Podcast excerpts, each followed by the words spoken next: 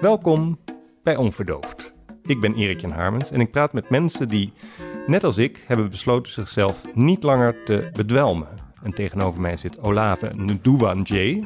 Ze is geboren in Burundi, opgegroeid in Oostzaan, dat is toevallig bij mij om de hoek in Landsmeer. Ze is opgeleid als jurist in Maastricht in Leiden. Ze woont nu in Brussel. Ze schrijft en spreekt. En ze is nu vier jaar nuchter na ongeveer 16 jaar verslaving aan alcohol en andere middelen. Als je kijkt op haar eh, Twitter-biografie, dan staat er Olave is zwart, veganist, non-binaire transfam, queer, feminist, umurundikazi, neuroatypisch, geldarm en verbeter romanticus. Olave. Waar heb je dit allemaal vandaan, joh? Nou ja, dit is gewoon googelen. Indrukwekkend. Zullen we eens beginnen met het woord neuroatypisch? Ja. Want Ja. dat heb ik natuurlijk even opgezocht. Ik heb sinds een paar dagen eh, een officiële autisme-diagnose. Dat weet niemand, maar dat mag jij wel weten nu. Eh, dat houden we even tussen ons. Gefeliciteerd. Dank je. Eh neuroatypisch is niet hetzelfde, Nee. maar schuurt er een beetje langs, toch? Ja, ja. Ja. Eh, De term neuroatypisch komt vanuit een bepaalde beweging genaamd neurodiversiteitsbeweging. En die beweging die, ehm, die pleidooit voor de, dat we dus een veel inclusievere maatschappij hebben. Ook voor mensen die, waarvan de hersenen gewoon net anders zijn dan de meer typische eh, vormen. En eh, neurodiversiteit duidt dus onder, neuroatypisch duidt onder andere dus op bijvoorbeeld autisme-stoornis. hè, Dus een stoornisspectrum. Spectrum, ja. dus het, ja. het werkt niet zo goed met stoornis als het neurodiversiteit Nee. wordt. maar, Nee. eh, maar bijvoorbeeld ook andere soort van ja, context of manieren waarop je an- je brein anders in elkaar zet. Ja. Onder andere, ik heb geleerd dat eh alcoholicisme te herleiden is op de manier waarop je op je brein in elkaar zit. De manier waarop je brein Ja. eh, eh, alcohol en stimulansen en impulsen, zeg maar, Ja. interpreteert en daarmee omgaat. Ja. Dus neuroatypisch is, het is omstreden hoor, om te zeggen dat mensen die alcohol, alcoholicisme hebben, dat die ook neuroatypisch zijn. Het is nogal een contentious subject. Ja. Maar ehm, ik vind het op zich eh, dat er bij dit soort termen, ook bijvoorbeeld zoals queer, weet je, dat we zoveel mogelijk ruimte ervoor moeten maken Ja. voor de verscheidenheid aan Ja. belevingen en ervaringen. Ja. Dus ja, dus daarom. En als jij zegt dat eh, alcoholisme en eh, neuroatypisch, hè, of, dat, dat wat ze met elkaar te maken hebben, want dan raak je eigenlijk meteen een theorie die ik heb, namelijk dat ik ongelooflijk gevoelig ben voor prikkels, Mhm, mhm, en wat een good thing is, mhm. maar soms ook een beetje overdaad, Ja. om het, hè? en dat alcohol helpt om dat te dempen, Ja. bijna als medicatie. Ja. Herken je dat? Ik herken dat, ik herken dat zeker. Ik, ik schrijf heel graag. En eh, ik, mensen die mijn schrijven lezen, die, die refereren altijd daarnaar ook. Die, die hebben een soort van, beleef je dat zo allemaal? Mm. Weet je, het is heel erg eh, sensationeel. Er Ja. zit heel veel prikkels erin, er is heel veel ervaring, heel veel lagen Ja. in hoe ik dingen ervaar en hoe ik dingen eh, meemaak. Dus ja, ik denk voor mijzelf, als ik terugkijk, en dat is misschien ook wel wat eh, dus misschien wat genuanceerder. Ik denk dat het ook te maken heeft met het feit dat ik opgegroeid ben. Niet alleen dat ik een heel, ja, heel erg prikkelbaar ben als kind geweest altijd. Mhm.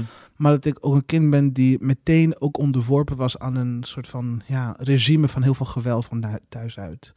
En heel veel normen, een orthodoxe soort van idee over wie ik zou moeten zijn. Ik moest Mm. daarin passen. Mhm. En dat, dat, dat met de, die prikkelbaarheid, die gevoeligheid, die, die hele, ja. Eh, ik denk dat dat gepaard, dat kwa- samenkwam. En ik had dus van jongs af aan echt een behoefte om er een beetje afstand van te hebben. Een beetje ruimte te hebben om ook te mogen eh, leven, te mogen ja, zijn een beetje. En ik denk alcohol is in die- dat opzicht een hele goede medicament geweest voor mij. Maar je, eh, jij en je gezin verhuisden naar Nederland op, hè, na, na Ja. van, de, van de burgeroorlog in Burundi. Eh, je verhuisde op je negende, Mhm. kwam je hier te wonen. Was je toen al, had je toen al die, ja, ik bedoel, als je het hebt over prikkels, dat zijn nogal extreme prikkels natuurlijk. Een Ja. oorlog is een soort summum aan prikkels. Ja, en ook mijn gender. Ik was al heel, vanaf heel jongs af aan was heel duidelijk dat ik dus niet een jongetje was. Nee. En iedereen om mij heen probeerde dat, echt van heel jong, hè, probeerde dat aan te passen.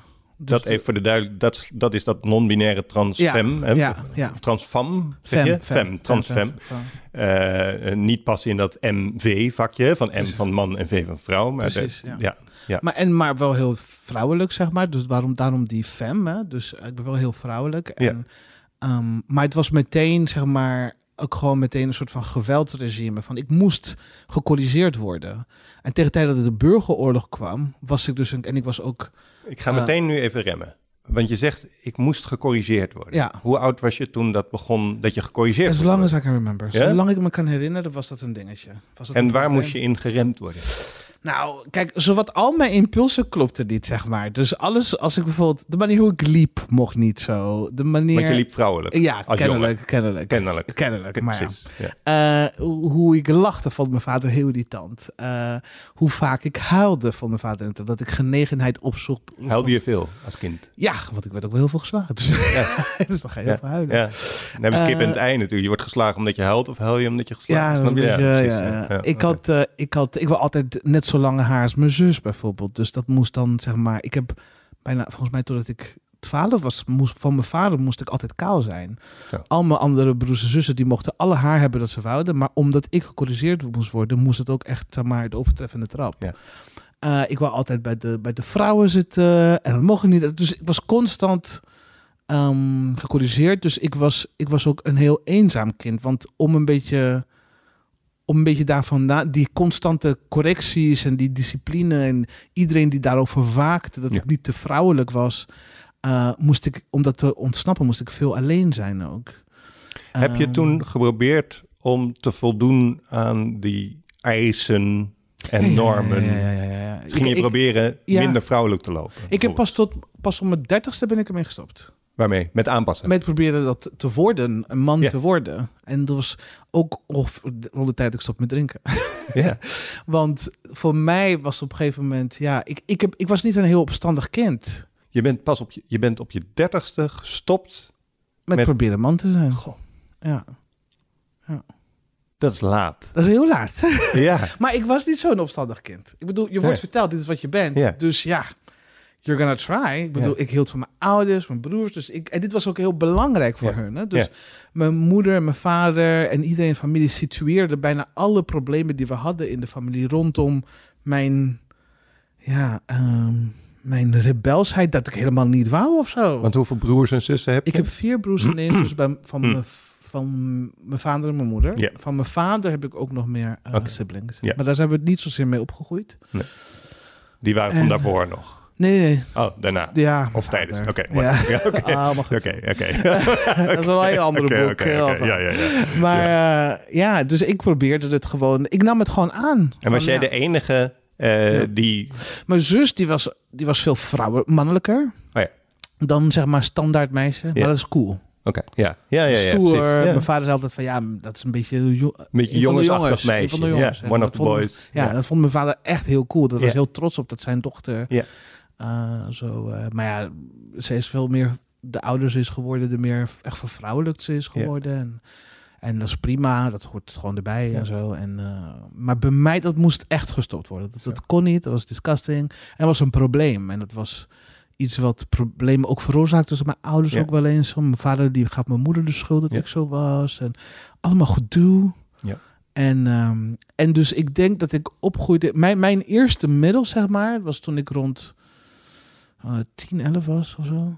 Ik denk dat ik toen boeken heb ontdekt. En dat was eigenlijk, I just, ik las de hele tijd. Boeken als Escape. Ja, ja, echt. Dat was echt mijn eerste demper, zeg maar, als, als, als buffer tussen mij en, en die wereld. Dat Om was, een andere realiteit eh, Ja, te krijgen. ja. Wat- maar wat- ook veel, veel geordender, veel structureel. Het was echt ehm, veel makkelijker, omdat kon ik ook veel beter leren wat er nou in andere mensen omging. Want ik snapte het niet altijd helemaal, hoe mensen Nee. werkten, wat, Nee.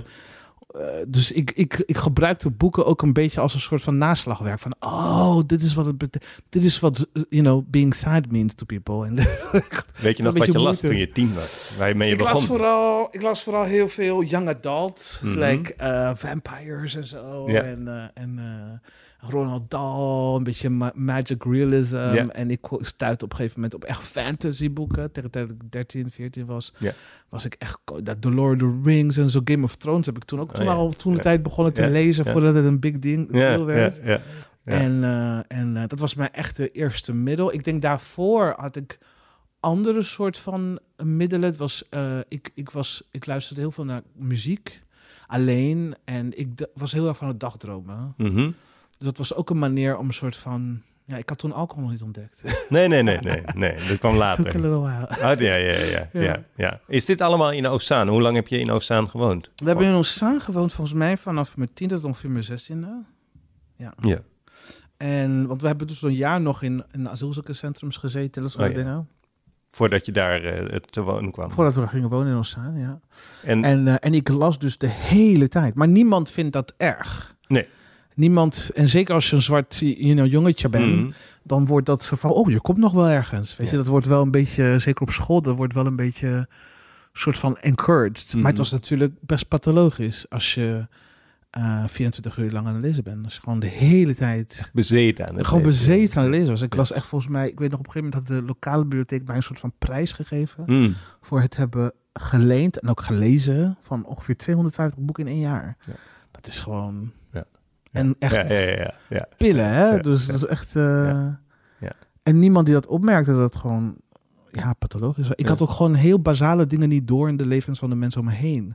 Because I was just reading all the time. Ik sliep bijna niet. Nee.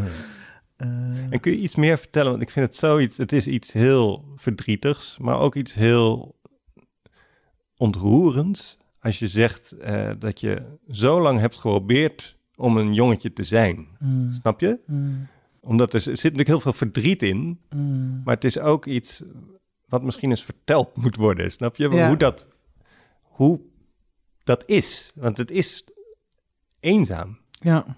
Ik wil jou niet verdrietig maken nu, hè? maar ik bedoel, het is toch iets. Maar ik denk, kijk, ik denk dat de helft van de, van de mensheid, hè, de, de, de mannelijke helft, is daar ook constant mee bezig. We worden het ook, hè, mannen. Dat is ook iets wat we. Ik denk dat waar, ik, waar het voor mij moeilijker was, eh, maakt het niet minder moeilijk voor zoveel jongens die identificeren als mannen, hè, Mhm. maar die toch echt moeten voldoen aan normen Hm. eh, van mannelijkheid die gewoon, ja, gewoon heel pijnlijk en heel tragisch zijn. Hè? Dat niet mogen voelen, dat niet mogen, ehm, eh, dat niet mogen zoeken om troost, dat niet mogen falen, hè? dat niet weten van dingen bijvoorbeeld. Dat is echt ingrained. Hè? De man, zeker in Europa, is een soort van de, voor, de, de, de wat we aan, aan jongens opleggen. Kijk, bij mij was dat nog een stukje gewelddadiger, zeg maar. En, en scheurde een stukje harder. Maar in het algemeen vind ik het best tragisch om man te worden. En ik denk dat het is niet alleen maar voor mij. Voor meerdere mensen. Ja, is ook maar, weet je, er zijn ook zoveel mensen die in problemen hebben met verslaving. Er is een reden waarom zo vaak als je in de kamers komt, in de, in de instellingen, Ja. komen zoveel van hun mannen zijn, Ja. denk ik. Ja. Ja. Er is something about de, de eis om de helft te zijn van wat je mag zijn en kan, van wat je kan zijn, Ja. die we stellen aan mannen, dat dat gewoon heel gewelddadig is. Denk jij dat jouw vader, want je, je vertelt over eh, het geweld. Ik heb jou een jaar geleden op een podium in Eindhoven gezien. Oh, echt? Ja, Oh, dat is heel lang geleden. ja. Had hallo gezegd? Ja, waarin je een, eh, dat is ook al podcast, hè, als je Slick podcast eh, Mm. googelt, dan kom je wel op jouw verhaal daar ook over. Daarin spreek je met name je vader toe en zeg je eigenlijk, ik vergeef je niet. Mm. Nee. Ehm, denk je dat jouw vader, dat is mijn vraag, denk je dat jouw vader het gevoel had dat het slaan of het geweld eh, ergens toe zou kunnen leiden? Denk je dat hij het idee had dat hij echt iets aan het oplossen was? Ja, en ik denk op zich, eh, op zich, er zijn zoveel. eh, we hebben zoveel redenen waarom we dingen doen. Hè? En ik denk intenties en waarom is lang niet zo interessant als de impact van wat we doen. Zeg maar. Mhm. Het is lang niet zo interessant als de verplichting en de noodzaak om te repareren wat je hebt gedaan. Mhm. Weet je, we pareren heel snel met als iemand zegt je hebt dit gedaan, dit pijn, pijn of eh, je komt erachter dat er iets fout of je verliest je sleutels. Je Ja. pareert al heel snel. Ja, maar ik had het heel druk. Die, weet je, dat, Ja. de intenties, de Ja. bedoelingen, dat is allemaal. Maar wat veel interessanter is, is waar gaan we die sleutels zoeken? Waar gaan we die vinden? Weet je? En eh, welke pijn, welke eh, leed ik heb toegebracht, hoe maak ik dat beter? We hebben nu heel veel over bijvoorbeeld in klimaat. eh, eh. De vraagstuk hebben we het heel veel over wat er allemaal kapot is. Maar Mhm. we hebben het echt zelden over dat we het kunnen repareren. hè? Mhm. Dus er is heel veel over we moeten minder, minder, minder bes- consumeren. We praten bijna nooit over het feit dat we al die gebieden die gewoon compleet brak liggen nu, dat we die ook gewoon kunnen repareren. Het kan. het is lang niet zo. Kijk, ik kan hele woestijnen weer eh, eh, leefbaar maken en vruchtbaar. Dus, en dus daarom denk ik altijd, het is wel een belangrijke vraag. Ik, ik heb er heel veel over nagedacht, over waarom mijn vader deed wat hij deed. En Ja. ik, ik zie daarin ook voor mijn vader in het algemeen, als ik zo een beetje kijk naar ons leven, is ik denk dat mijn vader echt een misogyn was. Dat hij een probleem had met vrouwen en vrouwelijkheid. En, en nog steeds heeft. Hm. Dat voor mij legt heel veel uit over waarom steeds de vrouwen in zijn leven eh, eh, zoveel, zoveel trauma, pijn en leed meemaken rondom hem. Dat is één ding. En zijn kinderen Want dat ook. is een terugkerend patroon. Dat is een terugkerende patroon. Heeft hij ook uit mijn broers willen slaan in het algemeen. Alle gevoeligheid. Dus het is ook gewoon... Voor hem is... Vrouw, alles wat met vrouwelijkheid te maken heeft, moet... Ja. moet eh, dat doelt hij niet. Ehm, houdt wel heel veel van vrouwen. Dat is echt Ja. een womanizer. Mhm. Maar... Ja, ja. eh, en ik heb erover nagedacht over van... Wat zou nou uit zijn verleden komen? Dat, dat, en Ja. ik heb wel wat clues en ideeën. Ik heb wat mensen gesproken die wat... Hè, nichten, eh, tantes... En, know, die me wat vertellen. Denk van, ik denk dat ik wel begrijp dat mijn vader, net zoals heel veel mannen eigenlijk wel, en men- mensen in het algemeen, de fout heeft gemaakt om zijn eigen schaamtes en zijn eigen eh, gevoel van, van, van, van, ja, van zwakte of zo, dat hij dat projecteert, dat vrouwen dat hem aandoen. Oh, ja. En dat, dat hij het uit zichzelf uit wil hebben, maar dat wil hij ook om, om, om iedereen om hem heen Mhm. eruit. En een zwakheid voor hem is vrouwen en vrouwelijkheid. Ja. Dat is natuurlijk, ja, I get it. You know, ergens begrijp ik ook wel dat je dus een kind mee, kinderen meeneemt uit een burgeroorlog naar Nederland. Ja. Super racistisch is het stadje. Ehm, weet je, eh, dat je denkt van ik wil hun bewapenen tegen een, een hostile world. En je ziet mij in dat gezin een beetje rondlopen met, ja. Met eh, je vrouwshakken en Ja. eh, dat soort dingen. Ja. denk ik van, nou, dit, dit, gaat, dit gaat helemaal fout. dat Ja. kind gaat niet een Ja. dag overleven op school. Dus, Of zo. Maar daarmee zeg je dat de intenties in die zin voor een deel te begrijpen zijn. Je komt Maar in... het is lang niet, het is lang niet zo belangrijk, vind ik, de intenties die mensen hebben en, Mm, en de bedoelingen ja, als de noodzaak om te repareren, precies. Om terecht te zetten, om sorry te zeggen, om, om te stoppen ook. Te stoppen met dat geweld. Ja. You know? Ja. En eh, ik heb ook moeten stoppen met drinken. Ik denk, mijn drinken had ook een impact op de mensen om me heen. Ja. En, en dat was niet zo leuk ook. Ik heb geld gestolen van vrienden. Ik heb echt Ja. van alles. ehm, en mensen hebben moeten getuigen moeten zijn van de aftakeling van iemand waar ze van houden. Daar komen we zo op. Hè. We moeten eventjes nog dat woord umurundikazi. Want Oh, anders, ja, je wilt- blijft dat hangen. Nee, maar ik had beloofd om even een paar woorden. Wat is umurundikazi? Umurundikata is de, is de Kirundi-woord voor Burundese vrouw. Oké. En ehm, ik vind het belangrijk, want ik denk mijn, mijn eh, weet je, vrouw als term is niet een universele term.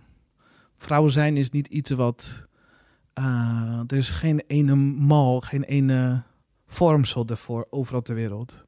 Vrouw zijn is, is heel cultureel, heel Mhm. sens- ja, het is heel plaatsgebonden soms. Ja. En, in, en ik ben natuurlijk in Nederland opgegroeid, maar ik heb heel veel, wat ik merk van wat mij inspireert aan vrouwelijkheid, zijn dingen die helemaal niks te maken hebben met het Nederlandse beeld van vrouwen. Mhm. Dat Nederlandse beeld van vrouwen als zwak, daar ben ik niet mee opgegroeid. Mhm. Dat is echt niet iets. Ben opgegroeid met het idee dat vrouwen gewoon heel sterk en heel veel van het arbeid. Kijk, de hele discussie hier in Mhm. Nederland over Mhm. mogen vrouwen meewerken, opwerken ja. enzovoort. Die heb je niet in Burundi. Dat heb je nooit gehad, tenzij totdat de, de witte paters kwamen. Toen Want in hoeverre verschillen de, eh, zeg maar de, de, de, de plaatjes van man en vrouw van in Burundi versus Nederland? Kijk, het is fundamenteel al in het woord vrouw. Hè, umugore, vrouw in Kirundi en, um, en vrouw in het Nederlands. En vrouw in het Nederlands is herleid, te herleiden naar het idee van vroomsheid, van, van edelheid. Hmm. Ehm, dat was een soort van een, een, een jong vrouw, zeg maar. Dat, dat vrouw sloeg op het idee dat iemand echt verheven was. Hm. En umugore in het Kirundi eh, is te herleiden naar het woord ehm, degene die problemen veroorzaakt. en ik vind dat een, een krachtpositie. Ja, ja. Dat is, een, eh, dat is zo'n hele andere beeld. Kijk, het komt allebei uit op best hele misogyne culturen. Allebei. Ja. De Nederlandse en de Burundese cultuur zijn best misogyn. Mhm. Maar vanuit hele verschillende invalshoek. Kijk, in de Burundese context willen mannen hun vrouwen controleren. En, en, want het is zo'n risico. Het kan echt voor allerlei Ja. problemen veroorzaken. En hier is het meer een soort van, eh, een soort van goed bedoelende dictatuur van de man thuis. Die zegt, nou, dit kan jij niet, schat. ja, dit kan ja. jarenlang alle financie- financiën, nee, dat kan jij niet aan. Ik Hm. doe het wel, weet je. En dan Hm. gaat zo'n man dood en dan blijkt dat er alles eh, Ja, niet eh, goed zat en zo. Dus ja, dus, is heel, dus ik vind het belangrijk voor mezelf om duidelijk te maken en van mezelf eraan te herinneren dat wat mij inspireert aan mijn vrouwelijkheid, dat het eigenlijk uit het Burundese context komt. Want ik ben daar best trots op. Ja. Precies. Wanneer komt de drank? Want je vertelt, je verhuist naar Ozaan met het gezin. We hebben even aangestipt natuurlijk het geweld dat er was. Hè. We stippen dat zo aan en misschien komen we er nog op terug. Mm. We hebben even aangestipt dat jij eh, op het podium in Eindhoven, waar ik in de zaal zat, eh, niet wilde vergeven. Of Mm. hè, dat, dat eh, weigert. Mm. Ehm, maar ik wil even terug naar de lijn van de verdoving, omdat dit immers onverdoofd heet, deze podcast. Wanneer, want je vertelde lezen, hè, en je ging, een soort wereldrecord eh, bibliotheekboeken lezen, eh, verbreken in Ozaan. Ehm, wanneer kwam de drank en andere middelen? Wanneer kwam dat? Ja, het is een beetje. Ik heb niet echt een, een hele duidelijk. Ik weet nog wel een conflict die ik had met mijn vader rondom drinken. Toen ik ongeveer 15 werd of zo. Eh, was mijn vader. Dus ik wou niet drinken. Dat was thuis. Zeg van ik wil niet drinken. Ook omdat ik echt heel veel. Broedisse mensen drinken heel veel. In, in de Boerenese cultuur is ja, dat alcohol. is echt. Wat drinken ze? bier. Oké. Beer. ja. Maar van oudsher had je dus eh palm wine en bananen, bananenbeer. En, Mm. eh, maar nu allemaal beer. Ja. En mijn ouders zijn echt, ja, ze zijn echt allebei, mijn moeder niet meer, maar waren heel heftige drinkers. Oké. En eh, dat is ook een beetje hoe ze toch een relatie onderhielden Mhm. met elkaar door heel veel te drinken. Oh, ja. En mijn vader vond het feit dat ik dus niet wou drinken als een teken aan de wand van kijk, het lukt maar niet om daar een man van te maken. dus Ja. Want Eh, drinken wordt ook geassocieerd met aan mannelijkheid, ja. Ja. ja. En, eh, en, eh, en eh, mijn vader die was daar echt gewoon op een gegeven moment op mijn vijftiende, op mijn verjaardag was het echt zo hier een krat bier voor je verjaardag. Ja, leuk. Dus dat is het. Wel ingepakt, drinken. Nee. En ik weet nog dat ik daarna keek, maar moet ik het ook allemaal drinken of zo? Wat, Ja. wat een rare cadeau is dit? Ja. Dus en moest, ik moest een biertje drinken. Nou, ik heb toen een biertje gedronken. Nou, ik vond het helemaal niks. En ik denk dat het ook te maken heeft met het feit dat het dus zeg maar zo vernederend was. Zo, zo'n weer een herinnering van je gaat nooit voldoen aan, aan, aan, dat, aan dat man zijn en zo. Maar grappig genoeg. Omdat je het niet lekker vond. Toen dacht je, nu wordt het, het lukt weer Nee, niet. nee, nee, nee. Niet omdat ik het lekker vond. Niet lekker vond, omdat ik gewoon boos. Ik denk dat ik het niet lekker vo- vond omdat ik boos was. Nee. dat ik weer erop gewezen Ja. werd. Precies. Want ik weet nog dat ik dacht dat ik niet wou drinken. Omdat ik toen op school allemaal dingen verteld werd van... Ja, eh, roken is slecht voor je. Ja. Drinken. Ik weet nog, mijn zus, dan ging ik haar sigaretten uit de, uit de pak... ging ik dan eruit halen en breken en dan terugzetten. Ah. Weet je, want het was slecht voor Ja, je. ja, ja, ja. Dus ik was echt, Ja. Ik was ook echt, ik had altijd super hoog cijfers. Dus ik was altijd van wat de leraar tegen me zegt, is gewoon waar. Dus ik ga het niet drinken. Het is slecht voor je. En dan gaat mijn en dan denk ik van, ik doe het voor goede redenen. En dan komt mijn vader met helemaal van, nee, Ja. de wijf, het kan helemaal niet. Je moet echt een man worden. Dus dacht ik van, nou, ik vind het helemaal niks te drinken. Maar raar genoeg, ik denk rond die tijd denk ik, als ik me goed herinner, mijn geheugen is helemaal Mm. fucked up. Hè? Ja, door ja, al dat drinken. Tell me about it. Maar ik kan, me, ik kan me scènes herinneren met mij en mijn moeder dat we dan eh, aan het drinken waren samen. Dat ik dat wel heel leuk vond. Maar we hebben het net over dat krat bier dat je krijgt. Je drinkt een flesje, je vindt het niet lekker. Ja. Je voelt woede. Ja. Je schetst nu het beeld van jou met je moeder aan het drinken. Wat is er tussenin gebeurd? I don't know. Nee. En ik denk, ik denk dat het ook tegelijkertijd gebeurde. Ja. Ik denk dat ik, want mijn moeder, oké, mijn moeder, we hadden heel veel feestjes bij ons thuis. Mijn ouders waren heel rijk. Hm. En eh, ze hadden altijd heel veel feestjes. En het punt was om, om iedereen eh, lam te krijgen. Dat was dan een soort van, kijk hoe rijk wij zijn. Mensen komen hier en iedereen is zat. Mag ik even één hele stomme vraag stellen? Want je zegt, mijn ouders waren heel rijk, maar jullie vluchten. Je zegt asielzoekcentrum. Blijf je dan gewoon rijk? Ik weet het gewoon niet namelijk. Nee, Dus- je herbouwt het. Oké, Ja, mijn vader is altijd een, eh, een hele bevlogen zakenman en politicus. Dus hij was ook een van de rijkste mensen in Burundi toen Ja. de tijd toen we weggingen. En toen kwam hij naar Nederland. Nou, dan heb je nog internationale contacten. En Oké. je kan wel met een, een bank goed praten over hoe, welke businessplan je nu hebt. En Dus zo. dat kun je zo weer opbouwen. Het duurde De- maar oké. Op een gegeven moment bouw je het weer op. Ja. En, eh, Ja, en eh, ook omdat je, ik denk voor mijn vader was het ook niet een optie om bij een of andere lokale fabriek te gaan zitten. Terwijl je ja, een vooraanstaande soort van.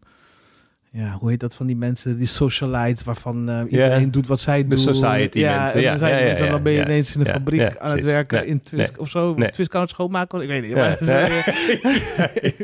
ja. het was nooit een optie. Maar, dus, dat hadden dus, maar ik kan me herinneren dat mijn moeder Baileys, hè, dus die hele zoete... Oh ja, Baileys, ja, dat koffielikeur. Ja, koffielikeur, dat ze die bewaarde voor zichzelf. En dat ik dan, zeg maar, als die feesten allemaal waren... en mijn moeder en ik kookten... he- Nou, ik kookte vooral, maar Ja. mijn moeder die was dan in de keuken... om ervoor te zorgen dat ik het goed deed. Ja. En dat we, dat we dan samen dat dronken. Maar dat was niet bedoeld Ja. voor andere mensen. Nee. Dat was voor ons. Baileys was jullie drankje. was ons drankje. En dat is ongeveer in dezelfde tijd dat mijn vader bedacht: je moet bier drinken, je moet alcohol drinken. Dus het is een beetje een soort van disjointed. Ik denk dat ik misschien ook niet dacht dat het alcohol was. Hmm. Want het is misschien Hmm. Ook gewoon een likeurtje. Dat is Mhm. zoet en een beetje eh, Ja. ro- romig. En misschien Ja. dacht ik ook niet, dit is echt. Dit was meer om. Ja, I was a little bit obsessed met alles wat mijn moeder deed. Dus. Ja. dus eh, Maar het is ook iets anders om bier te drinken met je vader of Baileys te drinken met je moeder, toch? ja, is dat nog is heel wel wat een anders. heel totaal ander drankje ook. Bier is wat bitter eigenlijk en. Baileys is zoet. is zoet, ja. En ik denk, ik denk dat ik voor mezelf altijd heb gedacht van... het was niet zozeer de alcohol waar ik zo verliefd op was... maar het was een drinken met mijn moeder waar Hmm. ik zo verliefd op was. Want mijn moeder was een, was een persoon die mij ook wel een beetje gegijzeld hield... in een hele intieme, een hele persoonlijke, hele secretive, geheime relatie hadden wij... als, Hmm. als met z'n tweetjes in dat huishouden... Ehm Waar wat was heel voor veel... vrouw? Want je zegt je vader, hè, is eh, een eh, society in Burundi, hè, zakelijke contacten. Je moeder, eh, wat, wat, wat, wat was haar plaats in Burundi? Waar kwam ze? Nou, mijn moeder is dus een, een, een prinses, zoals je dat deftig in een uh, zegt, in, een, in, het- in, in Nederland zegt. En mijn moeder die komt, ja, die is opgegroeid in de fa- familie die dan toch wel heel erg goed nog kon herinneren de, de, de, de voorbije tijden van glorie en aanzien en status en, in een republiek. Dus, dus dan ben je een republiek, wat is Ja. het om Ja. prinses te zijn? Wat is het Prinses in een republiek, Ja, bijna een eh, boektitel eh, eigenlijk. Ja, ja, ja. Dus die verhalen had ze. Ja, die verhalen had ze. Hmm. En, maar mijn moeder is ook opgegroeid eh, in een hele gewelddadige context als wel. Mhm. Haar moeder was heel streng. Hmm. Haar moeder was heel erg van, je moet, je moet eh, ja, ik denk aan haar moeder nog bedacht dat ze in een harem hoorde of zo. Het was echt Hmm. heel extreem. Hmm. En haar zussen waren dus een beetje haar beulen, een beetje haar, ja, een beetje haar gevangenisbewaarders. Mijn vader die kwam ertussen op een gegeven moment. Met heel veel gevleierij en heel veel geld. En, en ik denk dat mijn moeder vooral, haar positie was eigenlijk om mijn vader, hè, dus de self-made man die hij was, om die een beetje aanzien te geven. Ik heb een prinses aan mijn hand, Mhm. een, eh, prachtig mooie vrouw Mhm. heel echt gorgeous. Mijn moeder is gorgeous. En, en, en, en, maar voor haar volgens mij was het ook een beetje van... ik ga eens laten zien aan al die mensen die niet in mij geloofden... dat ik echt wel wat waard ben. Ja. Dat ik wel echt eh, een belangrijk mens ben. Mm. Dus mijn- moeder besteedde geld als water. Mhm. en heel genereus, Mhm. echt. pff, je nieuwe Cartier eh, eh, ring of eh, watch en je vond het mooi, dan kreeg Ja. je die, weet je. En Ja. heel mateloos en, en, en zogenaamd zorgeloos en, en, en gewoon een, ja... Zogenaamd zorgeloos, zeg ja. je. Mijn moeder was heel gede- gedeprimeerd, denk ik. Ik diagnoseer ze allemaal daarna. Ja, ja, ja, ik ben nu al wat diagnoses aan het uitdelen. hè. Nee, maar je zegt zogenaamd zorgeloos. Ja, nee, mijn Hmm. moeder, ik kan me echt een hele mooie scène. Mijn moeder en ik dronken heel vaak stiekem dus samen. We deden heel veel stiekem met dingen samen, ik en mijn moeder. Hè? Hmm. Heel veel. Jullie hadden een bondje. Ja, ja. Maar het was ook wel een beetje, het was ook niet altijd heel erg betrouwbaar, mijn moeder. Want dan was je heel close en dan bespraken we van alles. Het was heel intiem. En dan bijvoorbeeld liet ze mij haar nagels lakken, bijvoorbeeld. Oh. Dat was, dat, dat, dit liet ze me dan wel doen. Niet zelf mijn eigen nagels, dat kon niet. Dat mocht niet van papa. Mhm. Maar haar nagels lakken mocht ik. Maar op het moment dat mijn vader in de picture was, dan werd ik gewoon gedropt als een steen. Hm. Geen loyaliteit. Hm. Het was compleet ontoerekeningsvatbaar. Eh, Mijn moeder die kwam ook nooit van me op. Ja. Ik was wel altijd heel bezig met haar en probeerde haar. Dus ja, mijn moeder was ook een de eerste persoon die mij vertelde over zelfmoord plegen. Dat dat gewoon iets is. Dat dat als een optie is. Dat je dat zou kunnen doen als het echt niet meer leuk is.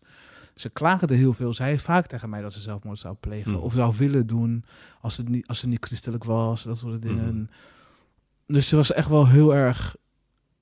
Weet je, dan, dan, ik kan me heel goed herinneren, mijn moeder die zit dan in de, in de keuken zit te drinken. Ze is te huilen. Mijn vader heeft net iets gezegd ten overstaan van al die mensen. Iets gezegd wat eigenlijk heel vernederend is tegenover haar. En ze zit te drinken, ze is een beetje te huilen. En weet je, ze, ze veegt haar ogen zo. En ze lopen naar buiten en het is aan. Mhm. She's gorgeous, Ja. she's amazing and funny and everything is great. En ja, dat is een beetje mijn moeder. En je verbleef graag bij haar op dat moment met de Baileys en dat bondje. Hoewel ze je dan liet vallen. Het- maar bedoel, die momenten koester je blijkbaar. Dus Ja. dat zie ik wel aan je als Ja. je erover vertelt. Hè? Hoeveel Baileys dronken jullie dan samen? Hoeveel Oh glazen? ja, dat weet ik echt niet meer. Veel? Kijk, dat, dat weet ik echt niet meer. Nee. Wat denk je? Ik denk dat het waarschijnlijk heel veel was. Hm. Ik denk dat, mijn moeder, dat ik het ook dronk als mijn moeder weg was. Dat denk ik wel. Ja. Ehm, Want wanneer weet je weer iets concreets qua drankgebruik? Dit is toen ongeveer ik- allemaal de- dus als je toen ik- 15 bent. toen ik 16, toen ik 17 was, ging ik naar de universiteit in Amerika. En ik zat op zo'n campus hè, in, eh, in Californië. En eh, mijn hele we waren toen naar Amerika verhuisd, van Osana naar Amerika verhuisd. De hele familie. De hele familie verhuisd. Ja, als je geld hebt, dan Ja, doe je dat tuurlijk, onzin. Dus eh, we gaan... Maar voor jou of? Nee, gewoon voor Oh, mijn vader. Die had dus besloten dat Ja, hij gewoon in Californië wou wonen. Een prachtig groot huis gekocht. Hm. Echt gigantisch. In zo'n gated community. En dan zie je daar met echt een hele zwarte familie en een hele witte gay Hm. co- gated community. Het is echt heel intens. Dus we waren ook dagelijks, gingen de buren politie bellen als wij op straat liepen. Oh. In de gated community, hè. Jaarlang hebben we daar gewoon, elke keer toch gingen ze de politie bellen van, wie zijn dat? ja, Wie zijn ja, dat? Anyways, Amerika. En, eh, maar in dat tweede jaar kreeg ik te horen van iedereen. Dus omdat ik de hele Mm. tijd zat te lezen, Mm. merkte ik niet op dat er plannen werden gemaakt voor mijn broers en mijn zus om naar Canada te gaan wonen. Mm. En mijn vader en mijn moeder terug te gaan naar Amerika. Naar, naar, Nee. naar, naar Brussel, naar, naar Nederland. Oh, ja. En ik, ik was niet gepland. Aha. Ik zou, ik zou blijven studeren in Amerika. En I found out, ongeveer twee maanden voordat ze allemaal weggingen, Mm. dat ze daar dus al een paar een half jaar aan het plannen waren. En oh shit, ik ben dus nu alleen in Amerika. Mm. En ik kom op zo'n campus, ik was 17. Iedereen was veel ouder dan ik, eh, first year, freshman year. En, eh, en ik kan me heel goed herinneren, toen echt, ik kan me echt kraakhelder herinneren, dat ik op de tweede dag dat ik daar was, zit in zo'n campus, zo'n dorms. Ik ga naar beneden, dus een soort van common space. En iemand zegt tegen mij van, do you smoke? En ik rookte niet. Ik dronk dus eigenlijk alleen maar stiekem, mijn moeder. En ik zeg ja. Ik weet echt niet waarom ik ja heb gezegd. Mhm. I could have just said no. Ik krijg een sigaret en ik krijg een biertje. En that was, the marriage happened. Ja. Dat was letterlijk fireworks. Want toen vond je het bier wel lekker. Oh, that was amazing. It, wa- it was, ik kan het niet eens uitleggen. Ik heb ook die dag mijn eerste pak sigaretten gekocht. En ik heb daarna voor 16 jaar lang gewoon... En ik heb ook daarna vanaf dat moment elke dag gerookt, elke dag gedronken. Ja. Dat was het. En wat denk je dat het verschil was tussen twee jaar eerder dat jouw vader je dat krat bier gaf en je vond het bier niet lekker en je voelde rage, Mm. woede, en twee jaar later op een campus drink je het en gaat de hemel lopen? Ik denk, ik denk het tweede is meer van de uitdaging. Ik was super zenuwachtig. Iedereen was ouder dan ik. Ik was super zenuwachtig. Ik, uh, ik voelde me ook bevrijd, maar tegelijkertijd van mijn ouders zijn weg, mijn familie is weg, zijn allemaal weg. Ik haatte die mensen, ook heel diep. Hm. Ik hield van hen, maar haatte hen Hm. ook tegelijkertijd. En, uh, maar ik had ook doodsangst, van wat, ik ben hier alleen. Ja. Ik ben op een continent alleen. Ik ben 17. Hm. En het enige wat ik wist over de wereld was boeken lezen, wat ik las in boeken. En dat moment, zo'n biertje doet iets wat het nog nooit, wat niks ooit echt zo concreet heeft gemaakt voor mij. Ja. Het, het maakt everything doable. In één klap. Voor, dat was een hele andere iets dan zo'n vader zegt van nu moet je drinken en dan ga je er, Hm. "Uh, wat is dit nou, onzin. Ja. Als van, ik ben echt in doodsangst. Op dit moment. En I drink it and it's gone. En ik hoef daar niet eerst een paar pagina's voor te lezen. Ik hoef niet in een klein kamertje alleen te zijn. Ik kan gewoon in de, in de wijde wereld, in die enge wereld, Ja. kan ik toch vrij zijn. En, eh, en eh, Denk je dat jouw eh, vader het toen had opgegeven om jou in een gareel te krijgen, om jou eh, eh, jongen te laten zijn, zeg maar? Want hij ging weg, hij heeft niet met je overlegd, hij was weg. Heeft hij nou, het nee. opgegeven? Nee, nee, nee. nee. Nee, maar ik bedoel, dat, waarom neemt hij Omdat het niet je, mee? omdat, je, omdat je ook gewoon, kijk wat je doet als kind, en ik denk iedereen die doet dat, eh, je internaliseert al die ideeën over wat er mis met je is. Je internaliseert het en je gaat het zelf handhaven. Ik denk dat tegen de tijd dat mijn ouders weggingen, het was ook weer een hele selfish beslissing hè, van mijn ouders. Het was helemaal niet zo begaan met mij of mijn lot, of ik Mm. wel te, het zou overleven als soort van half verwijfde Mm. jongetje op universiteit. Het was echt gewoon dat ze dat hadden bedacht dat is wat ze nodig hebben. Dus dat is niet. Mm. Maar tegelijkertijd denk ik niet dat mijn ouders, mijn vader zoveel nog corrigerend optrad in mijn leven sowieso. Want die, ik deed het zelf al. Je deed het zelf al. Ja, en mijn broers deden dat ook heel veel. Hè? Dus iedereen thuis was het gewend om een soort van mij als uiterste te zetten. Ja. En mijn broers die, die toetsten ook hun eigen mannelijkheid aan mijne. Ja. So if I did something, als ik iets belangrijk vond, dan konden zij dat niet meer doen. Want dan op was die het niet mannelijk. Maar op die campus in Amerika was, je toen zo, was het toen zo geïnternaliseerd dat je jezelf als jongetje Ja. gedroeg? Ja, Ja. ik probeerde het heel Je erg. probeerde het. Ja. Ja. Ja. En ik denk drinken heeft mij. Ik heb tot in de advocatuur. eh, ik heb in de advocatuur gewerkt. Ik, bij, de, bij echt niche internationale eh Je advocatenkantoor. moet heel even een structuur opmerken maken. We waren in Amerika op de campus. Ja. Toen ging je studeren in Maastricht en Leiden. Ja. Dus ik ben na een jaar ben ik toch Amerika weggelopen. Ja. Ben je teruggekomen naar Nederland? Nederland, ja. ja. Wat, Ging je toen weer bij je ouders wonen? Ik heb toen een korte periode in, eh, in Antwerpen met hun Ja, gezeten. Want we waren ondertussen in Antwerpen. En dat was toen we dus allemaal ontdekten dat mijn vader allerlei andere kinderen had. En zo. Oh dat was echt heel erg traumatische tijd. Maar ik kon eigenlijk niet meer terug naar Amerika, want ik had mijn jaar compleet verprutst. Ik had alleen maar gedronken eigenlijk. Dat was echt een jaar lang zuipen. En ik had dus bijna niet naar school geweest. Het was een hele dure school. Het was veer- nou, 40.000 dollar per jaar of Ja. zo. En ik had gewoon niks gedaan. Ja. En eh, dus ik heb toen een soort van gezegd... nee, ik wil niet terug naar Amerika. want Ik mis mijn familie. Ik blijf hier in Ja. Europa. Want, Ja. ja. Toen ging je eigenlijk eh, eh, een commerciële kant op qua studie, hè? ondernemingsrecht, commercieel recht. Nee, ik begon met Europees recht. Ja. Ik begon met Europees recht, maar dat was... eh, de universiteiten in Nederland in het algemeen voor rechten zijn heel erg neoliberaal. Mhm. Dus je wordt, je wordt, zeker als je heel goed bent, ik had wel echt wel een gemak met studeren. En dan word je toch een bepaalde kant op geduwd van honor student dit. En eh, je krijgt een speciale masterclass dit. Je krijgt Mhm. een ontmoeting met een hoogstaande advocatenkantoor. En ja, en dan word je toch wel een beetje geduwd richting, je bent zo goed, je kan het eigenlijk niet verprutsen aan dat gepeupel. Je moet wel eigenlijk wel gewoon ondernemingsrecht gaan Ja. doen. Of, eh, of eh, ja, waar een beetje geld mee kan Want verdienen. daar is het geld te verdienen, ja. precies. Want je bent zo goed. M&A. Ja, M&A. Ja, ik heb ook een tijdje in M&A eh, kantoor gezeten. Dat zijn fusies en overnames, voor wie dat niet weet. ja, ja. Dus dat is, wel, dat is wel... En ik denk dat ik zelf... Elke keer was de uitdaging om meer te bewijzen. Want dat mannelijkheid, dat stroomt door in heel veel andere dingen. hè. Dus in, niet alleen hoe je kleedt, maar ook waar je om geeft. En bijvoorbeeld het geven om geld en succesvol zijn. eh, Dat is echt een mannelijke waarde, Ja. zeg maar. En ik had het geïnternaliseerd, want ik moest wel bewijzen dat ik het was.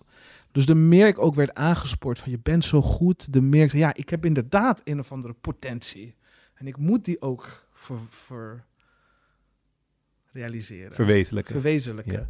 Dus, eh, en, dan, en dat is dan mannelijk of zo. En, en ja. Ja. En drinken. We moeten een stap maken, want wij kunnen denk ik acht uur Ja. of 18 uur praten. Ehm, die advocatuur, dat perspectief, je wilde dat niet uiteindelijk. N- Anders had je nu nee, als het is M&A niet lawyer zozeer- tegenover me Om gezeten. heel eerlijk te zijn, ik moet heel eerlijk zijn. Hè? Ja. Ik heb niet een of andere eh, existentiële, super mooie, prachtige, eh, eh, revolutionaire gedachte gehad. Op een gegeven moment gezegd van, ik wil niks meer doen Mm. voor rijke mensen en ik wil niks meer doen. Ik ben gewoon op een gegeven moment zo hard tegen de muur aangelopen. Wanneer was dat? Dat was rond mijn dertigste. Nou, nee, ik heb echt wel drie keer heel hard tegen de muur aangelopen. En drie keer, en pas de derde keer had ik door dat dat is wat gebeurde. De eerste keer dat ik een burn-out had, was toen ik dus al 2,5 jaar advocaat stagiair was bij een advocatenkantoor. En ik liep tegen de muur aan, maar ik wist niet dat het een burn-out was.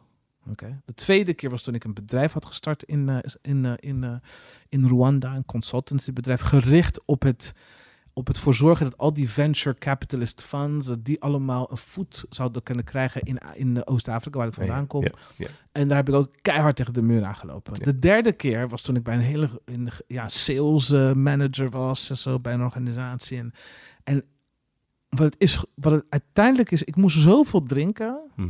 ik moest zoveel dingen onderdrukken to be able om elke dag deze de, die Olave, de man die ik toen was, om die te kunnen zijn. Dat op een gegeven moment is er gewoon niet genoeg alcohol daarvoor. Er is gewoon niet genoeg seks, er is gewoon niet genoeg obsessies. Er is gewoon op een gegeven moment loop je er tegenaan. En pas de derde keer werd, mij, werd ik gediagnoseerd van dit is een burn-out. En pas de derde keer werd ik gediagnoseerd van jij hebt een verslaving. En dan ik, oh shit. En pas de, toen werd ik ook gediagnoseerd met borderline persoonlijkheidsstoornis. En de hele shebang. Ja. En, eh, en dus ik denk Dat is dat, helemaal ik niet zo lang geleden, want je bent nu halverwege de 30 zo. Ik ben 35 ja. nu. Dus dat is vijf jaar geleden. Ja. Maar ik, ik, moet- ik moet zeggen, ik ben gewoon gefaald in het project man, succesvolle soort van half witte man te worden. Daar ben ik in gefaald.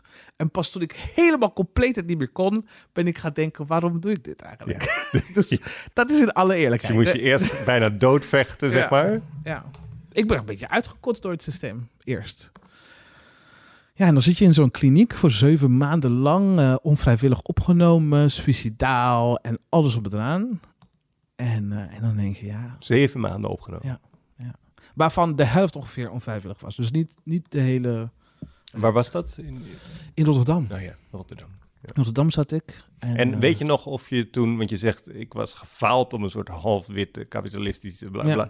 Voelde je ook, als, voelde het alsof je gefaald had toen? Ja. Ja.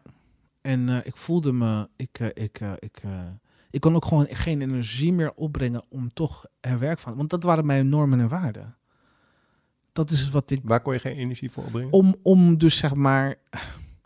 Om het nog eens te proberen. Hm. Want weet je, dan, dan heb je, vind je zo'n kliniek, dan gaat het een stukje beter met je. En dan gaan vrienden langskomen en die zeggen van... Ja, maar weet je, je, je hebt zo weer een nieuwe baan. En, weet je, en eh, misschien moet je eh, de- Hmm. deze soort van advocaat... Misschien moet je... En dan is het al van iedereen verwacht...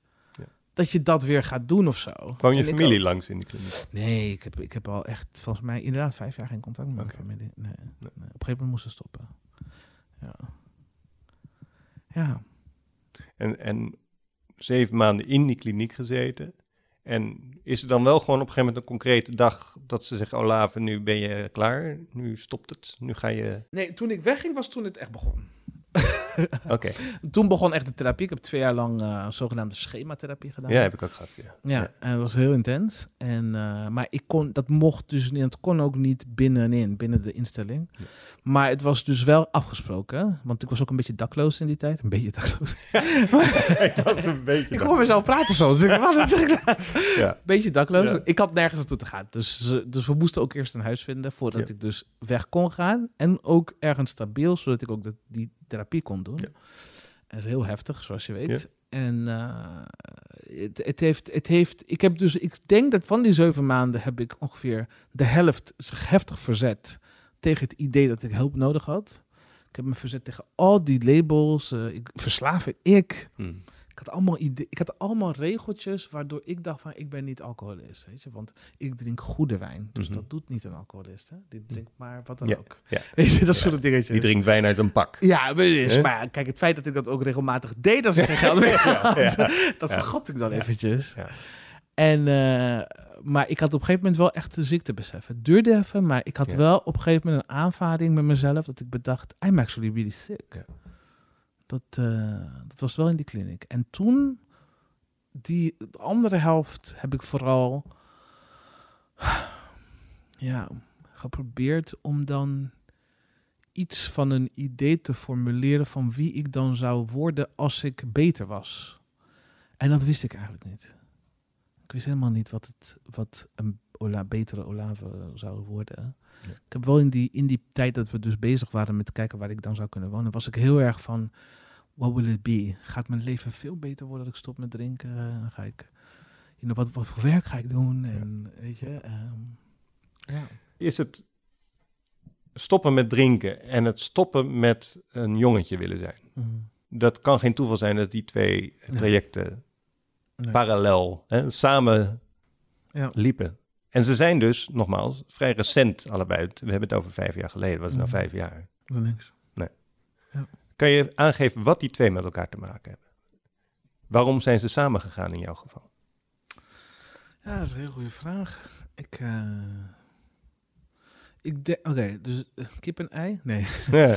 Eh, toen ik stopte met drinken, toen kwam, begon ik ook over te lopen. Dus het was niet alleen dat de wereld veel meer binnenkwam, maar ik liep ook over uit de soort van de kader en de frame en de soort van de, het formaat waar ik had proberen mezelf in te passen. Ik kan me Hm. herinneren dat ik dus toen, eh, volgens mij was ik al weer een tijdje, een maandje clean, dat ik niet Hm. had gedronken. Dat vond ik heel indrukwekkend. Ik ben Hm. dus in die eerste jaar, heb ik heel vaak, eh, Ja, ja, ja, ja, maar ik had net een maand, en ik weet nog... Heel vaak bedoel je heel vaak eh, relapse. eh, Relapse, terugvallen. ja. terugvallen. Dus ik ben nu alleen maar vier jaar clean, maar ik ben er nu vijf jaar mee bezig, zeg maar. En nou, clean vind ik ook eigenlijk niet zo'n leuk woord meer. Ik, ik vind jou veel beter.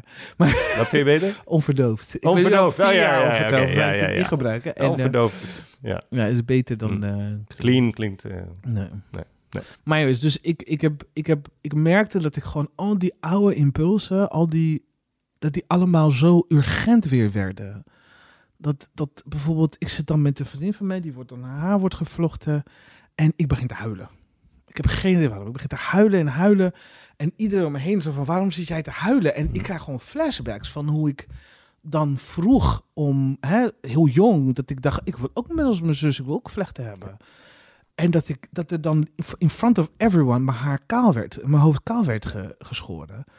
En dat ik me herinner, en dat dus ik ontdekte dus, doordat ik gestopt was met drinken, ontdekte ik eigenlijk dat er een heel klein olavetje was. eh, ja, die nooit een meisje mocht worden. En ik werd soort van geconfronteerd met haar. Ik moest soort van dealen met haar. Van wie, wie had ze kunnen zijn? Wie is zij überhaupt? Ja. En, wat, wat, en nu dat ze zich echt wel heel erg opdringt van, hey, ik kan er nu doorheen. Hè? Je kan ik, echo, echo, je hoort me nu eindelijk. En, eh, en, eh, en toen dacht ik van, ja, ik moet het toch wel... Het begon eigenlijk heel klein. Het begon eigenlijk met proberen dat, dat, ja, dat meisje eigenlijk in bescherming te nemen door te zeggen, het is prima om dit te willen. Het is prima om, eh, om net als je zus dat of dat. En toen ging ik het haar geven eerst. Het was eigenlijk van nagellak. Ik wil nagellak. Nou, weet je, Olave, vergeef je nagellak. No problem. en, maar van daaruit komt dan, eh, merkte ik dus dat dat, om haar beter te horen, moest ik toch wel echt veel steviger zijn. Want die processen teruggaan naar dat allemaal was heel pijnlijk. Ja. En, en ik merk dat ik heel erg trek had weer in drinken. Om daarmee om te gaan. Met hoeveel rouw, hoeveel rouw ik had in mij voor haar, zeg maar. mhm. En, en ik wist dat als ik dat weer ga doen, dan, ja, dan kan ik haar ook niet meer horen. Dus ja, moest ik toch wel echt therapie, moest ik leren Ja. om te gaan met rouw, moest ik leren. Ja. En ik denk, ik weet ook dat, dat als ik Uh, nu denk ik dat ik ook veel meer in een proces ben van, van ook mijn puberteit eigenlijk heb ik dus nu. Dus ik denk Olave, de kleine Olave van toen is nu eigenlijk een beetje de puberteit. Ja. ja. en uh, en, uh, en ik denk dat ik dat allemaal kwijt zou raken als ik weer echt zou drinken. Ja, want dat vroeg ik me af. Je ziet er prachtig uit. Je hebt oh, nu... Dat is, nee, maar je hebt prachtige, verse vlekjes in het haar. Helemaal mooi gekleurd. Je hebt een prachtige jurk aan. Er is een hele leuke programma, een spoken word programma in, uh, in uh, Rotterdam, heet Verse Vlechten. Dus oh, Verse Vlechten. Maar wat ik wil zeggen is, uh, ik wacht hier net buitenop ook. dan kwam je aanlopen met een koffer, want je woont in Brussel, dus je moest even een stukje reizen. Um, had je zo kunnen zijn wie je nu bent met drank? Nee. Ik had er de moed niet voor. Ik had er uh, het bewustzijn niet voor. Um, ik had er. Ja. Maar wat is het? Moet je, moet, je, moet je op dit moment alles voelen? Is dat het? Kan je niet. Kan je... Nee, joh, nee, joh, niet alles voelen. God, mensen, niet. dat is echt een goed idee hoor. je moet het wel. Kijk, ik denk. Ja, maar je denkt het niet meer, toch? Je Kijk, wat, wat alcohol mij heeft afgenomen is ontwikkeling. Alcohol en lezen ook. Het was een soort van ik kwam op een pauzestand te zitten. Ik kon niet ontwikkelen. Dus ik ontwikkel nu. En ontwikkelen betekent dus onder andere ook gewoon heel erg strategisch kunnen omgaan, denk ik nu, dat ik ouderlijk word, met, uh, met zelfzorg. En een beetje zelfzorg ook een stukje troosten. Want er zijn heel veel kwalijke dingen aan de gang. Dagelijks hoor ik over hoe zwarte transvrouwen worden vermoord en transvrouwen in het algemeen over de hele wereld worden vermoord. Dagelijks. Hoe ga ik daarmee om? Wat is, wat is onverdoofd daarmee omgaan? Ja. Ik troost mezelf soms. Ik troost me door bijvoorbeeld uh, uit te reiken naar andere transvrouwen en, en andere transmensen. Te zeggen, kom bij mij thuis, we gaan even eten. We gaan even, even negeren dat de wereld ons eigenlijk dood wil, bijvoorbeeld. Ik, uh, ik, heb, uh, uh, weet je, ik, ik, ik, ik heb dagen dat ik meedoe aan demonstraties en dat er echt wilde groepen mannen in de stad, in Den Haag hadden we dat in december. Ik was zo geschrokken bij je de... een tijdje in Den Haag gewoond ook, hè? Ja, ik heb een tijdje bij Den Haag gewoond. We waren toen bij de Anti-Zwarte Piet demonstraties en ik was gewoon op een gegeven moment kregen we beelden te zien van groepen witte jongens die door de stad aan het rennen waren om ons te pakken. Door de politie dan was een soort van schaduwspel met de politie. En dan kwamen ze onze kant op en dan ging de politie met paarden. En ik kan me dat herinneren van Burundi. Ik kan me herinneren dat we gewoon achtervolgd werden, dat mensen ons dood wouden hebben. En hoe ga ik dan naar huis? Ik drink niet meer. Wat is, hoe ga ik daarmee om? Hoe kan ik daar onverdoofd mee omgaan? Met leven in een stad waar mensen, groepen mensen, aan het rennen zijn om je te pakken te krijgen. Ja, ja weet je, dan doe ik misschien Netflix op. Dat is ook, dat is ook een beetje ja, verdoving. Ja. Je? En er zijn ook momenten, bepaalde dingen waar ik gewoon bij moet zitten. Waar ik bij moet zijn. En dat is zoveel van het leed van vroeger en uh, relationele leed dat ik nu ook ondervind. Hè. soms is het on, onverdoofd, is gewoon daarbij zitten. En ermee gewoon het voelen. Ja, het voelen, ja. En dus ja, ik, ik ben niet zo groot, grote voorstander van alles moet... Uh, je moet een beetje... Mm Doseren soms, ja, ja, ja, ja, En er zijn bepaalde dingen waar ik dus ook gewoon weiger om mee, om mee verdoofd mee om te gaan. Ik heb best veel leed veroorzaakt. Uh, in mijn drinken tijd. En ik, ik wil daar niet mee, uh, soort van, als het opkomt ik wil daar niet mee. Uh, ja.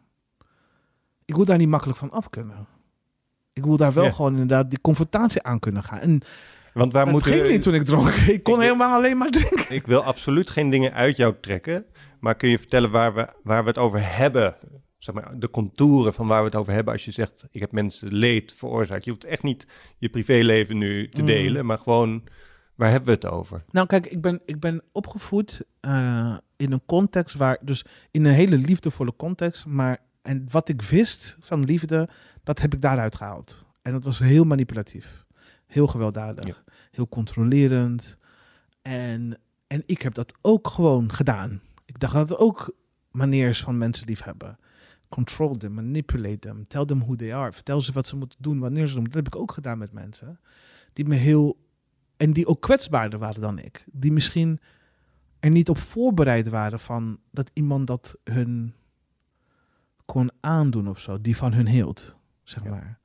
En dat is iets waar ik dus niet mee eh, wil omgaan met van, oh nou weet je, kom, ik ga gewoon lekker even eten vandaag. Mhm. En dan, eh, nee, ik moet, ik moet, als het opkomt, moet ik daar gewoon, Eh, ja. En dat kan nu. Als Maar het kon net- vroeger niet. Nee, je schetst dat beeld van, ja, eigenlijk een soort van opgejaagd worden in Den Haag, zwarte transvrouwen. Ehm, je maakt dezelfde analogie met Burundi, waarin Mhm. ook hè, sprake was van een manhunt, zeg maar. Mm. Ehm, waarom denk je dat eh, zwarte transvrouwen die woede opwekken? Wat, waarom, waarom willen mensen jullie kapot hebben? Wat is de reden, denk je? Nee, maar ik bedoel, Ja. snap je waar de vraag vandaan komt? Je schetst ook hoe je vader natuurlijk geweld gebruikte. Eh, wat is geweld een soort onmacht? Ja, dat is een goede verhaal. Ik, Oeh, ik heb zoveel theorieën. Misschien zijn die ook wel een beetje tegenstrijdig. Ehm, maar ik denk in het algemeen, we leven in een globally speaking. Hè? Dus het is niet alleen één plek, maar het- en er zijn wel nuanceverschillen. Maar in het algemeen leven we binnen een context en een, een, een, een gedachtegoed van hiërarchieën. Van wie kennen we waarde toe en wie niet. Mhm. En, en we hebben nou eenmaal in de laatste 500 jaar zo ongeveer, hebben we als mensheid toch heel erg dat geïnternaliseerd, dat aan de hoogste rang van de ladder is de witte man. En dat, dat helpt niemand. Mhm. Oh, including witte mannen. niet, ja. Not beneficial to anyone. Maar dat is daar. En, en dan heb je dus allemaal rangen daarna van wie. En wat er, wat er gebeurt wanneer je zo. Wanneer we waarde toekennen, is degene die onderaan de ladder zitten, die onwaardevol worden. ehm, gebeuren een aantal interessante dingen. Ze worden vervreemdbaar. Ze worden disposable. Ze worden. Je kan ze kopen. Je kan ze verkopen. Je kan ze pakken in de straat. Je kan ze mee doen wat je wilt. Dus ze worden, het wordt een goed. Het wordt bijna een object. De- Commodity. commodity. Het wordt, weet je, niemand zit er echt heel erg om te eh, huilen als er. Ik denk, nou, tenminste, sommige mensen hebben, vinden het moeilijker als er bijvoorbeeld property kapot wordt gemaakt Mm. in de straat dan als er zwarte mensen worden Ja. doodgeschoten. Maar, anyways, maar dus wat er gebeurt is, we creëren, we creëren dan relaties waar we dus waarde ontkennen en onttrekken uit mensen.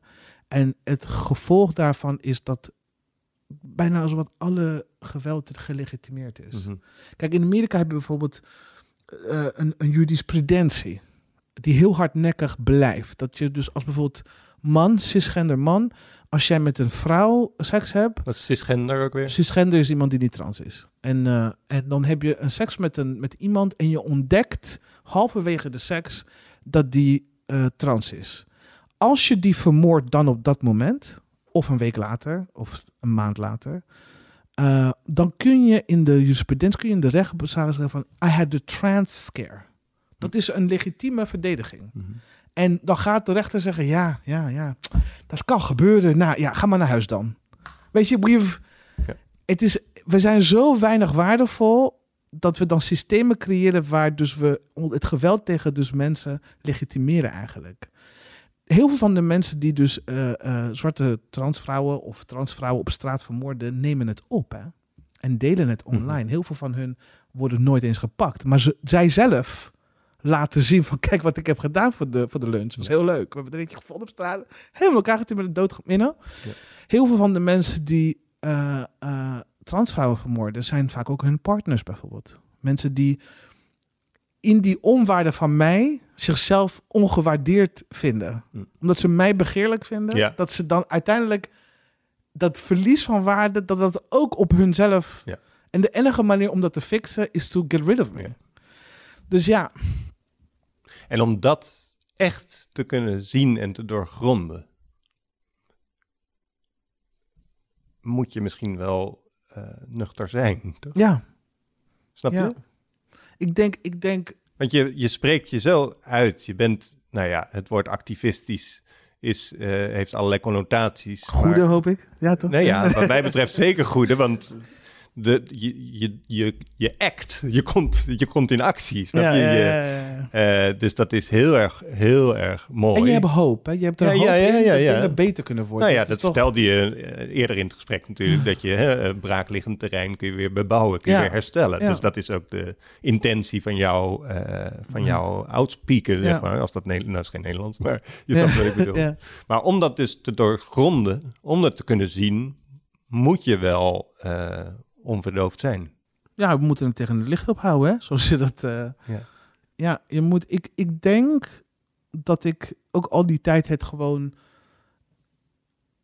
Ik had bijvoorbeeld heel veel... Ik had heel veel haat zelf tegenover transvrouwen toen ik nog heel veel dronk. Hè? Dus ik kon het ook niet uitstaan op straat om iemand te zien die trans was. Ik deed er nooit wat eh, mee of zo. Maar ik vond het lastig. Het, het, het, ugh. en ik, ik, ik dacht, volgens mij inherent daaraan was van... waarom doe je je best niet eens? Weet je, just try. I'm trying. Try. Weet je, doe gewoon beter je best. Hoef je er niet zo bij Mhm. rond te lopen. En dan gaan mensen je slaan. Dat is je echt schuld. Weet je, dus er kwam een hele mechanisme van. Van woede. En van, omdat ik ergens toch wel het gewoon heel moeilijk vond om geconfronteerd te zijn met het feit dat wie ik ben, nou eenmaal zoveel, zoveel minder was of zo. Zoveel, eh, eh, zoveel, zo veracht was. Zo, en om het te zien, om te stoppen met drinken, ja. Weet je, ik heb dagen dat ik echt denk van, waarom doe ik dit? Waarom drink ik gewoon niet? Ik bedoel, het is niet, het is niet... Maar dan doe ik volgens mij mezelf tekort en dan doe ik heel veel van mijn lotgenoten Mhm. ook tekort. Because onze, onze levens zijn het waard om to be witnessed. Om, om, om, het zijn prachtige levens. Hè. Het is een durven, het is, een, er is heel veel creativiteit erin. Er is heel veel wat mensen niet eens over nadenken. Over wie, wat het is om man of vrouw of whatever te zijn. Dat, dat onderzoeken wij en daar, daar experimenteren wij mee. En, en er is. En ik ben. En ik, ik vind het soms. Ik rouw soms dat ik 30 jaar over heb gedaan. Om dat van mezelf te mogen witnessen. Ja. Om daar de moed voor te hebben. En ook voor de anderen om me. Ik heb echt prachtige mensen in mijn leven nu. En diezelfde vrouwen die ik op straat toen. Of eh transmannen die ik verachtte. Dat is my community now. You know? En, eh, ja, en dat kon ik niet doen toen ik dronk. Dankjewel.